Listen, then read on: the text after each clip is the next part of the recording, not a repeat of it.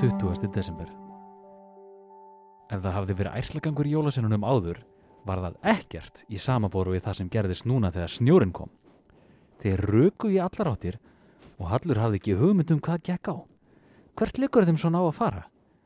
Á meðan Hallur gekk heimað kofanum, að ná júlpur eins og afi hafði beðað hann um, kom skýringin.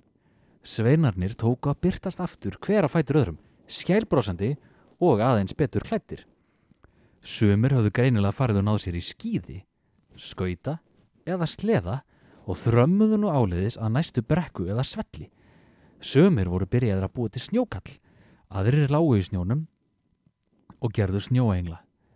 Hallur þurfti að beigja sig þegar þurruslegi reyndi að kasta snjóbolt í hann. Hann hnoðaði svo jafnharðan annan bolta og kastaði beint í bossan á skýrkámi sem var einmitt að beigja sig niður í snjóin með rassin út í loftið.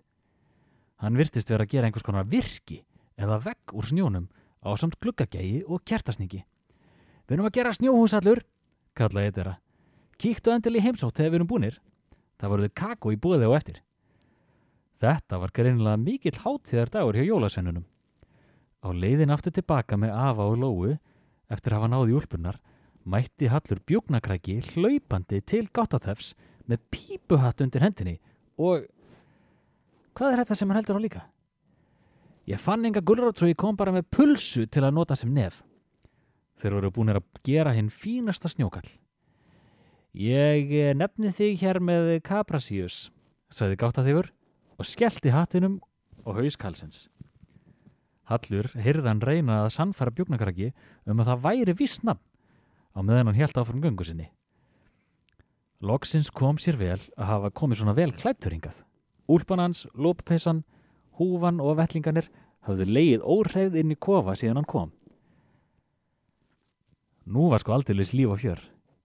Ef Hallur vissi ekki betur, hefði hann haldið að jólinn væri barast að komin. Slík var gleði jólasennana sem skemmtu sér konunglegi snjónum. Hallur fekk lánuð skíðinan stúfs og rendi sér niður brekkuna hvað eftir annað og svo fór hann í sleðakapp við giljagur og lóu. Hallur þurfti líka að aðstóða stekkjastur sem hafði skellt sér á skauta og einhvern veginn runnið bæði í splitt og spíkat á sama tíma og gati ekki staðið upp sjálfur. Það voru sælir og þreyttir jólasveinar sem söpnuðust saman í fullbyggðu snjóhúsinu í lokvölds, getur sér að kakói og pipakokum og snjó og sungu saman jólalög. Hörðaskellir sem hafði greinilega látið segjast og náð sér í hlýri fött satt meira að segja með rjúkandi kakobotla millir handana og bros á vör. Nú mega jólinn fara að koma.